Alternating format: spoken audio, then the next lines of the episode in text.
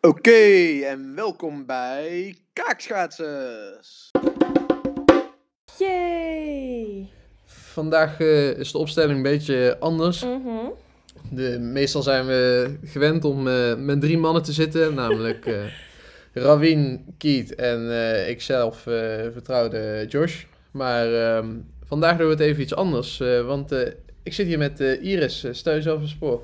Nou, mijn naam is Iris. Ehm, ik eh, doe ook dezelfde opleiding als, eh, als de drie jongens.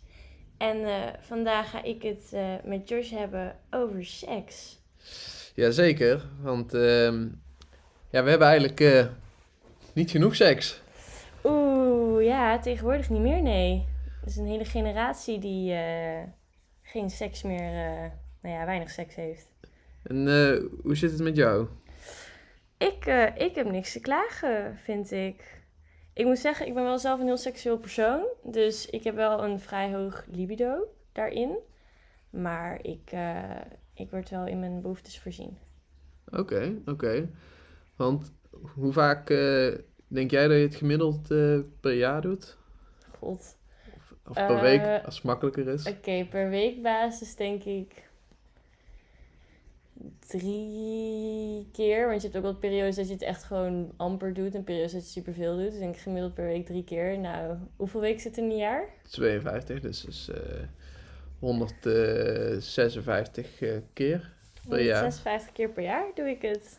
Ja, dat is wel netjes, want eh ja, dan zit je toch gemiddeld eh, ongeveer op het eh, driedubbele, denk ik, van ehm, het gemiddelde aantal eh, dat in ieder geval Amerikanen seks hebben per jaar. Want, Serieus? Ja, Oh, wauw. Want als je kijkt naar een aantal jaar terug, toen stond het nog op eh 62 keer per jaar. Mhm. En nu is het afgedaald naar 54 keer per jaar. Maar dat vind ik ook al weinig hoor, 62 keer. Ik voel me Ja. echt zo'n seksverslaafde. Oké. Het is eigenlijk wel vreemd als je erover nadenkt, want we zijn eh, steeds toleranter. Ik bedoel, eh, je mag je uiten voor wie je bent, of je nou eh, gay of hetero of alles ertussenin bent. Mhm. Ehm, casual seks is er steeds meer, bijvoorbeeld met online daten. True.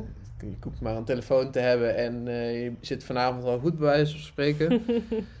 en ehm, ja, monogamie is eigenlijk steeds minder eh, een probleem. Dus eh, Klopt. ja, mensen staan er ook voor open als je met andere mensen seks hebt. Maar toch eh, is het eigenlijk lager dan ooit het aantal. Ik had een hoger cijfer verwacht. Ik wist wel dat het was gedaald, maar ik vind het wel heel erg zorgwekkend. Ja, ja ik, ik moet zeggen, het valt mij ook flink tegen. Ik haal het gemiddelde omhoog, ben ik bang. oh man. Ja, ik heb natuurlijk wel eh, wat onderzoek gedaan. Mhm.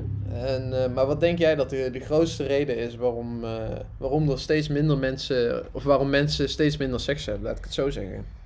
Ehm, ja, ik zit te denken, als ik in mijn omgeving kijk, is het denk ik bindingsangst. Of ook angst om ehm, ja, je eigen onzekerheid, wat je er eigenlijk van weerhoudt om seks te hebben.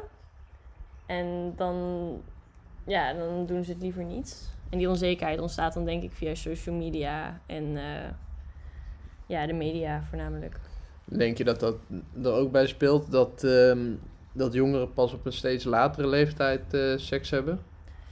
Ik denk het, omdat zich, ze worden zich er heel bewust van gemaakt. Van wat seks is. En dat de eerste keer misschien ook wel heel speciaal of zo. Het wordt zo erg geromantiseerd. En ja, soms ook juist wel niet. Er wordt zoveel over seks gepraat dat jongeren denk ik bijna, bij wijze van spreken, bang zijn om het ook echt te gaan doen. I guess. Dat zou mijn, eh, mijn eh, redenering zijn. Oké, oké. Ja, ik kan er op zich wel bij inderdaad. Want ehm, ja, eigenlijk waar je ook maar kijkt eh, en wat je ook maar opzoekt, zodra je het internet opstart, ja, zie je al wel weer dingen over seks. Ja. En van de ene kant weten we er steeds meer over, maar van de andere kant is er ook steeds meer valse info of zo. Ik denk bijvoorbeeld dat, ehm, dat we nu steeds meer met. eh, vroeger had je seksuele voorlichting en dan kon je Mhm. ook daar zeg maar. kon dat je eerste bron van informatie zijn. Of misschien een, eh, een boek eh, in de bibliotheek. Een komkommer met een condoom. Bij Ja. biologieklas. Precies. Alleen ik denk dat het tegenwoordig steeds meer, bijvoorbeeld door, dankzij het eh, ja, goed eh, bereikbare porno, zeg maar, Mhm. ehm, denk ik dat, dat het een beetje van twee kanten speelt. Dat en volwassenen denken van dat jongeren al veel meer weten dan zij, omdat alles op internet staat, Ja. waardoor ze het misschien niet uitleggen. Maar tegelijkertijd jongeren ook een compleet verkeerd beeld krijgen van seks. Ja, een niet realistisch beeld inderdaad. Voornamelijk met porno. Ja, want ik denk, eh, nou ja, eh, ik denk dat onzekerheid erbij komt kijken. Ik bedoel, als alle Mhm. voorbeelden bijvoorbeeld voor een man, maar trouwens ook voor een vrouw, eh, enigszins een, eh, nou ja, perfect wil ik het niet noemen, maar vooral hele grote penissen en bij vrouwen grote borsten en eh, Ja, zijn, kan ik me voorstellen dat als eh, ja, mensen bij zichzelf kijken en eh, hun lichaam er anders uitziet, dat ze bang zijn dat hun lichaam raar is. Of eh, Mhm. minder mooi in ieder geval. Ja. En, en daarbij, eh, als je een beetje kijkt naar de hardcore porno categorie, kan ik me voorstellen dat je als vrouw snel wordt afgeschrikt. Ja, ik, ik kijk zelf ook... Ik, misschien wel onbewust om die reden ook gewoon niet naar porno. Omdat het gewoon zo niet realistisch is met de, met de realiteit. Het is zo niet... Het sluit zo niet aan bij de, bij de werkelijkheid. Maar Mhm. ja, als je dat gewoon niet goed van jezelf kan filteren... en dan denkt van ja deze, ja, deze mensen bestaan ook wel... maar ik bedoel, het is ook niet... Het is maar een kleine groep mensen die er echt zo perfect uitziet. Maar Ja. als je dat voor jezelf niet kan filteren inderdaad... dan snap ik wel dat je heel onzeker ervan wordt. Ja, maar toch denk ik wel dat ehm, als je kijkt in ieder geval naar de cijfers van, eh, van masturberende jongeren, Mhm. Dan denk ik dat ook terwijl steeds meer mensen, ondanks dat je zelf zegt van ja, ik zelf niet, denk ik wel dat er steeds meer mensen zijn die porno kijken. Want eh, bijvoorbeeld, er zijn nu eh, twee keer zoveel mannen die porno kijken. Of eh, die, sorry, die masturberen. Mhm. En drie keer zoveel vrouwen die masturberen. Wat, heb je een percentage van het aantal vrouwen dat masturbeert? Eh, ja, die heb ik wel. Het is nog steeds eh, niet heel hoog. Ehm, man, vrouwen eh, is nu ongeveer zo'n 26 eh, procent die Mhm. masturbeert. En mannen net ja, ongeveer het dubbele, net iets meer als het dubbele, die zitten op eh 54 procent. Oké. Ik had een hoger aantal verwacht, denk ik. Maar datzelfde als met, met jaarlijks het hoeveelheid seks per jaar. Ja, ik denk ook wel dat het iets hoger ligt als dit. Ik denk dat misschien eh, taboe bijvoorbeeld ook wel meespeelt, dat niet iedereen Ja, durft toe te is. geven. Mhm. Maar ehm, ja, eh, ik had het wel hoger verwacht, inderdaad. Doe je zelf aan zelfmasturbatie? Ja, ik ehm, zit te denken. Ik denk ongeveer, eh, ja, toch wel drie of vier keer per week. Mhm. Uit mijn persoonlijke kringen is dat wel minder als eh, andere mannen om me, om me heen. Ja. Ik denk dat het gemiddelde bij mannen, zover ik weet, toch eh, om de anderste dag of iedere dag eh, zit. Ehm, maar dat hangt natuurlijk ook wel weer van af of mensen in een relatie zijn of Ja, niet. True, dat is waar. Maar ik moet ook zeggen, ik kijk zelf ook niet altijd porno bij. Nee. Soms, is het ook, soms heb je er ook niet echt behoefte aan of zo. Dat heb ik meer. Ja, ik denk dat het echt een, eh, iets is voor, eh, ja, wat voor iedereen eh, anders ja, dat is is. zeker waar. Dat is ook zeker waar. Maar ja, het is wel, wat er wel uit blijkt is dus dat, ehm, ja, dat mensen hun eh behoeften toch online vervullen dankzij porno en zelfmasturbatie. Hmm. Dus er gebeurt meer online en minder offline. Ja, ja het is echt, ehm, ja, mensen gaan gewoon letterlijk eh, minder de straat op eh, voor, eh, voor hun behoefte aan, aan seks. Ja. Het is niet alleen negatief. Ehm, bijvoorbeeld zwangerschap onder tieners in Amerika is tussen de, afhankelijk van de staat, Ja. tussen de 7 en de 13 procent gedaald. Jezus. Oké, dat is best wel een flinke daling. Ja, ja en dat was echt afhankelijk, eh, dat hebben ze gemeten aan de hand van eh, hoe eh, internet uitgerold werd over die, elkaar op het internet werd uitgerold over die staat. Dus dat is echt wel grappig om, om te Hmm. zien. Oké. Ehm, maar ja, samen met internet is natuurlijk ook ja, social media in opkomst gekomen. En ja, wat ook uit andere onderzoeken en wat op zich wel redelijk bekend is, is dat ehm, ja, mensen dankzij eh, social media last krijgen van eh, angstproblemen en depressie. Ja. En eh, ja, dat verhoogt je libido natuurlijk ook niet. Nee, dat doet het niet ten goede, inderdaad. nee. Maar het lijkt ook dat je heel bewust dan wordt van je lichaam en je, je aanwezigheid of zo. Dat je daardoor je minder snel laat gaan.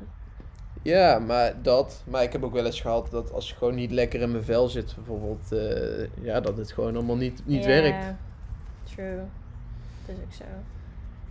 Dus eh, over niet werken gesproken, heb jij daar wel eens eh, last van gehad? Van dat je als je niet lekker in je vel zit, dat, dan, dat je geen zin hebt. Of- Ja, ja, bijvoorbeeld. Of dat het gewoon allemaal niet. Mm, ik heb wel een tijdje gehad, maar dat was ik ehm, zat op bepaalde medicatie. ehm, een soort van antidepressiva, dat klinkt meteen weer zo heftig. Maar ehm, omdat ik een periode best wel somber was geweest.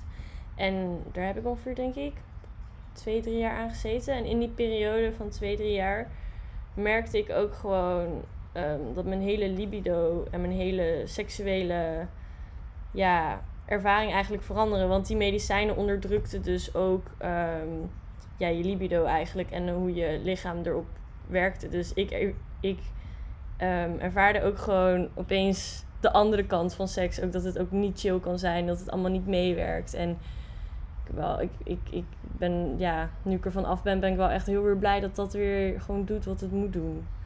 ja, snap ik. Ja, je bent er echt ook zeker verreweg de, e- eh, niet de enigste in. Mhm. Want het is namelijk eh, ook uit onderzoek gebleken dat gewoon maar liefst 30% van de vrouwen, dus dat is gewoon bijna een derde van alle vrouwen, die heeft gezegd dat hun laatste seksuele ervaring pijnlijk was. Dus ook niet eens dat ze ooit een pijnlijke ervaring hebben gehad, maar Mhm. gewoon hun meest recente ervaring was pijnlijk. Ja, dat is En- echt heftig. Het grote nadeel dat ervan is dat ook een merendeel daarvan gezegd heeft er niet met een partner of anderen erover te praten. Waardoor gewoon er nu een hele groep mensen is die pijn en ongemak associeert met seks en denkt dat het er gewoon bij hoort. Maar dat vind ik dan. Ik, ik snap het wel, maar toch denk ik dan toch van. Waarom praat je er niet over met je partner? Ik bedoel, je, hebt, je bent toch een soort van connectie met elkaar aangegaan. En dan mag ik toch hopen dat je eerlijk met, naar elkaar kan zijn. Ja, en ik denk dat het in een gezonde relatie ook wel zo zou zijn, maar toch, Ja. ja, toch is het zo niet. Ehm, het is bijvoorbeeld ook dat gewoon 7 van 10 eh, redenen dat eh, mensen uit elkaar gaan of dat mensen gaan scheiden, Mhm. is gewoon door een tekort aan, aan seks. Oh, wauw. Dat verbaast me op zich ook niet dat dat zo is. Nee, en ja, een tekort aan seks is dan minder als eh één keer per week ongeveer. Ja. En vaak ko- komt dit dan ook gewoon met name doordat ehm, ja, mensen niet praten over wat ze wel en niet eh, lekker vinden. Eh, waardoor ze dus gewoon niet aan hun behoeftes komen te voldoen. Dus eigenlijk is het gewoon een gebrek aan communicatie ook. Ja, Hmm. en ik denk dat het op zich ook wel iets is wat terugkomt in, in hookup culture, om het zo maar te noemen. Dus een beetje hè, Tinder waar we het eh, eerder over hadden. Ja. Je, je downloadt de app en s s'avonds heb je een, eh, een one night stand. Mhm. Maar ik weet niet hoe het met jou zit, maar als ik een one night stand heb, dan ehm, gooi ik niet op tafel wat ik eh, allemaal wel en niet lekker vind. En eh, ja, ga ik dat niet uitgebreid mee behandelen. Dan is het gewoon, eh, je hebt seks. En ja, ehm, gewoon in de meest primitieve en snelle vorm af en toe.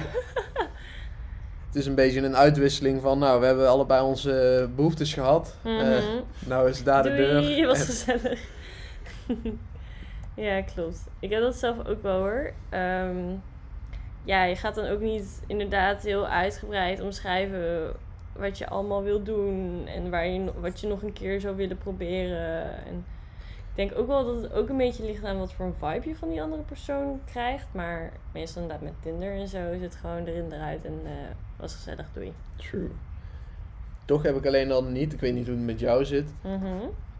Ik voel me dan minder voldaan na seks eh, qua behoeftes als eh, bijvoorbeeld in een relatie waarmee ik wel alles bespreek met de ander. Ja, klopt. Ik ben eh, ongeveer een jaar single geweest en in het jaar op zich wel wat ervaring opgedaan.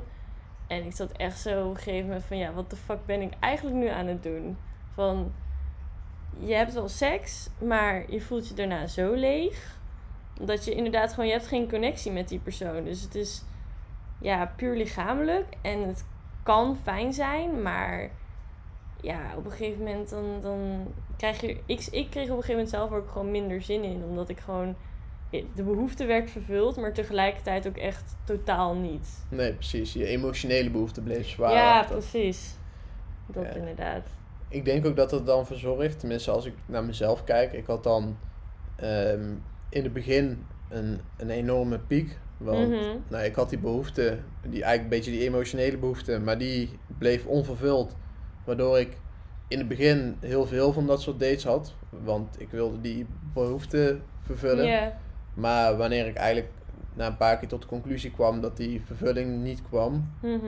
ja, had ik al wel vrij snel zoiets van, ja, er was een behoefte eigenlijk die viel weg. ja. Waardoor, eh, ja, waardoor ik inderdaad, eh, als het dan zo was doorgegaan, denk ik eh, ook bij die, eh, het gemiddelde zou komen van 50 keer seks per jaar. Want ik denk ook wel dat je er op een gegeven moment een soort van aan went.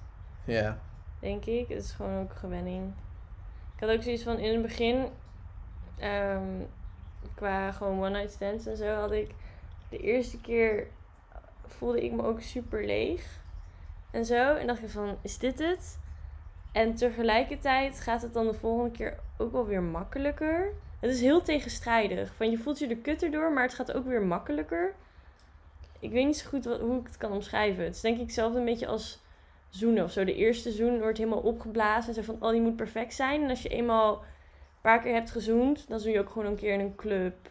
Of dan maak ja, snap je wel een beetje? Het klinkt een beetje vergelijkbaar eigenlijk met eh, drugsgebruik. Ja, dat kun je weer vergelijken. Wat ze zeggen ook als je junkies hoort praten over, eh, over crack, dan zeggen ze ja, de eerste keer het was het meest geweldige wat ze ooit hadden meegemaakt. Mhm. En de tweede keer was ook nog wel chill, maar uiteindelijk komen ze op een punt dat ze het nodig hebben om te functioneren, maar echt lol beleven ze er niet meer aan. Shit, het gaat wel echt diep. Maar ja, ik denk het wel. Het is best vergelijkbaar, denk ik. Ja, I guess so. Maar ja, natuurlijk is het dan wel als je een partner krijgt of zo, echt een heel leuk iemand ontmoet en het daarmee deelt, dan is het wel anders natuurlijk. Ja, maar dan is het inderdaad anders, want dan...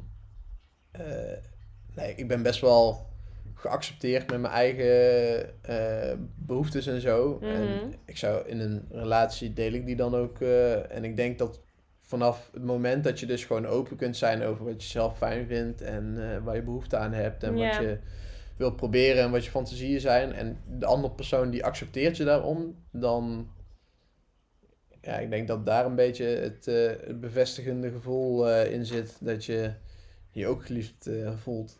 Ja, dat is gewoon heel fijn. En ook belangrijk inderdaad.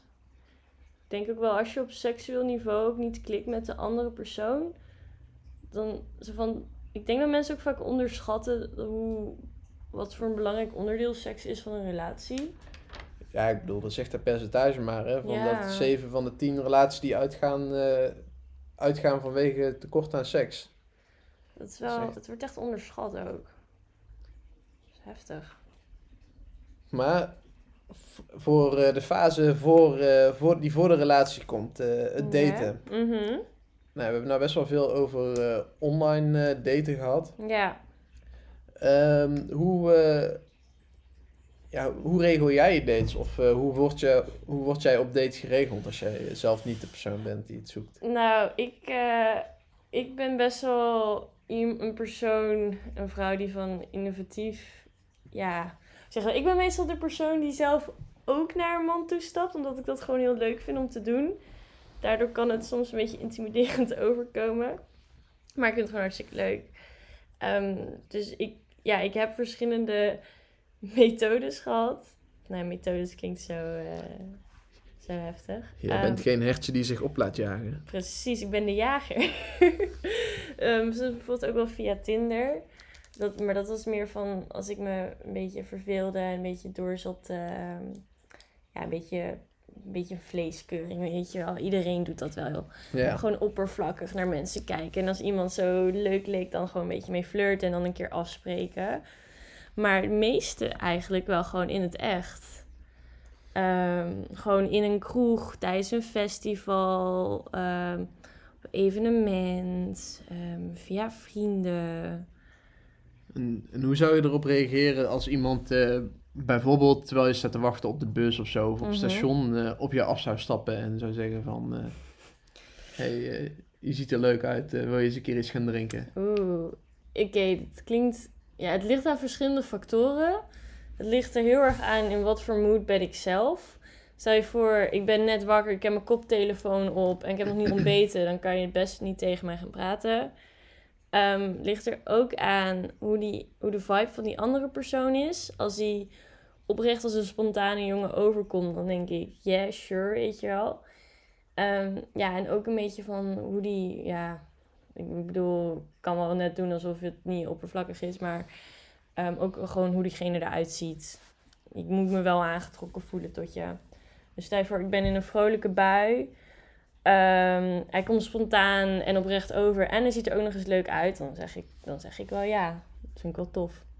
Oké, nou ja, het is best een, op zich best een lijst, maar Mhm. stel hij zou er niet aan voldoen, voel je ja, vind je het dan ongepast of eng, of hoe, eh, hoe ervaar je het dan? Nee, dan zeg ik gewoon nee, sorry, ik heb geen interesse. Of dan zeg ik eh, dat ik eh, een relatie heb. Ehm, of dat ik er dus geen behoefte aan heb. En als hij dan wegloopt, dan denk ik, prima, weet je wel, sure. En als hij dan nog blijft plakken, dan vind ik het niet oké worden. Oké, Dan denk ik, dan heb je echt een plaat voor de kop. Maar zolang die eh, niks beledigends zegt of me niet aanraakt, dan denk ik van ja, ja, iedereen is anders qua communicatie. En als hij wat onhandiger is, ja, dan, ja, het is wel ongemakkelijk, maar... Oké, ja, vind ik op zich nog best wel fair. Maar ja, het, het kon, is namelijk gebleken dat echt ehm, ja, veel mensen het eh, offline eh, aangesproken worden, eh, Mhm. ja, gewoon ongepast of eng aan vi- vinden voelen. Ja, En het is zelfs zo dat eh 17% van de jonge Amerikanen vinden dat eh, wanneer een jongen een meid uitvraagt voor een drankje, gewoon buiten het openbaar, mhm. dat dit valt onder eh, sexual harassment. Oh jezus. Dus, eh, oftewel seksueel lastigvallen. Eh, ja, ik vind het wel.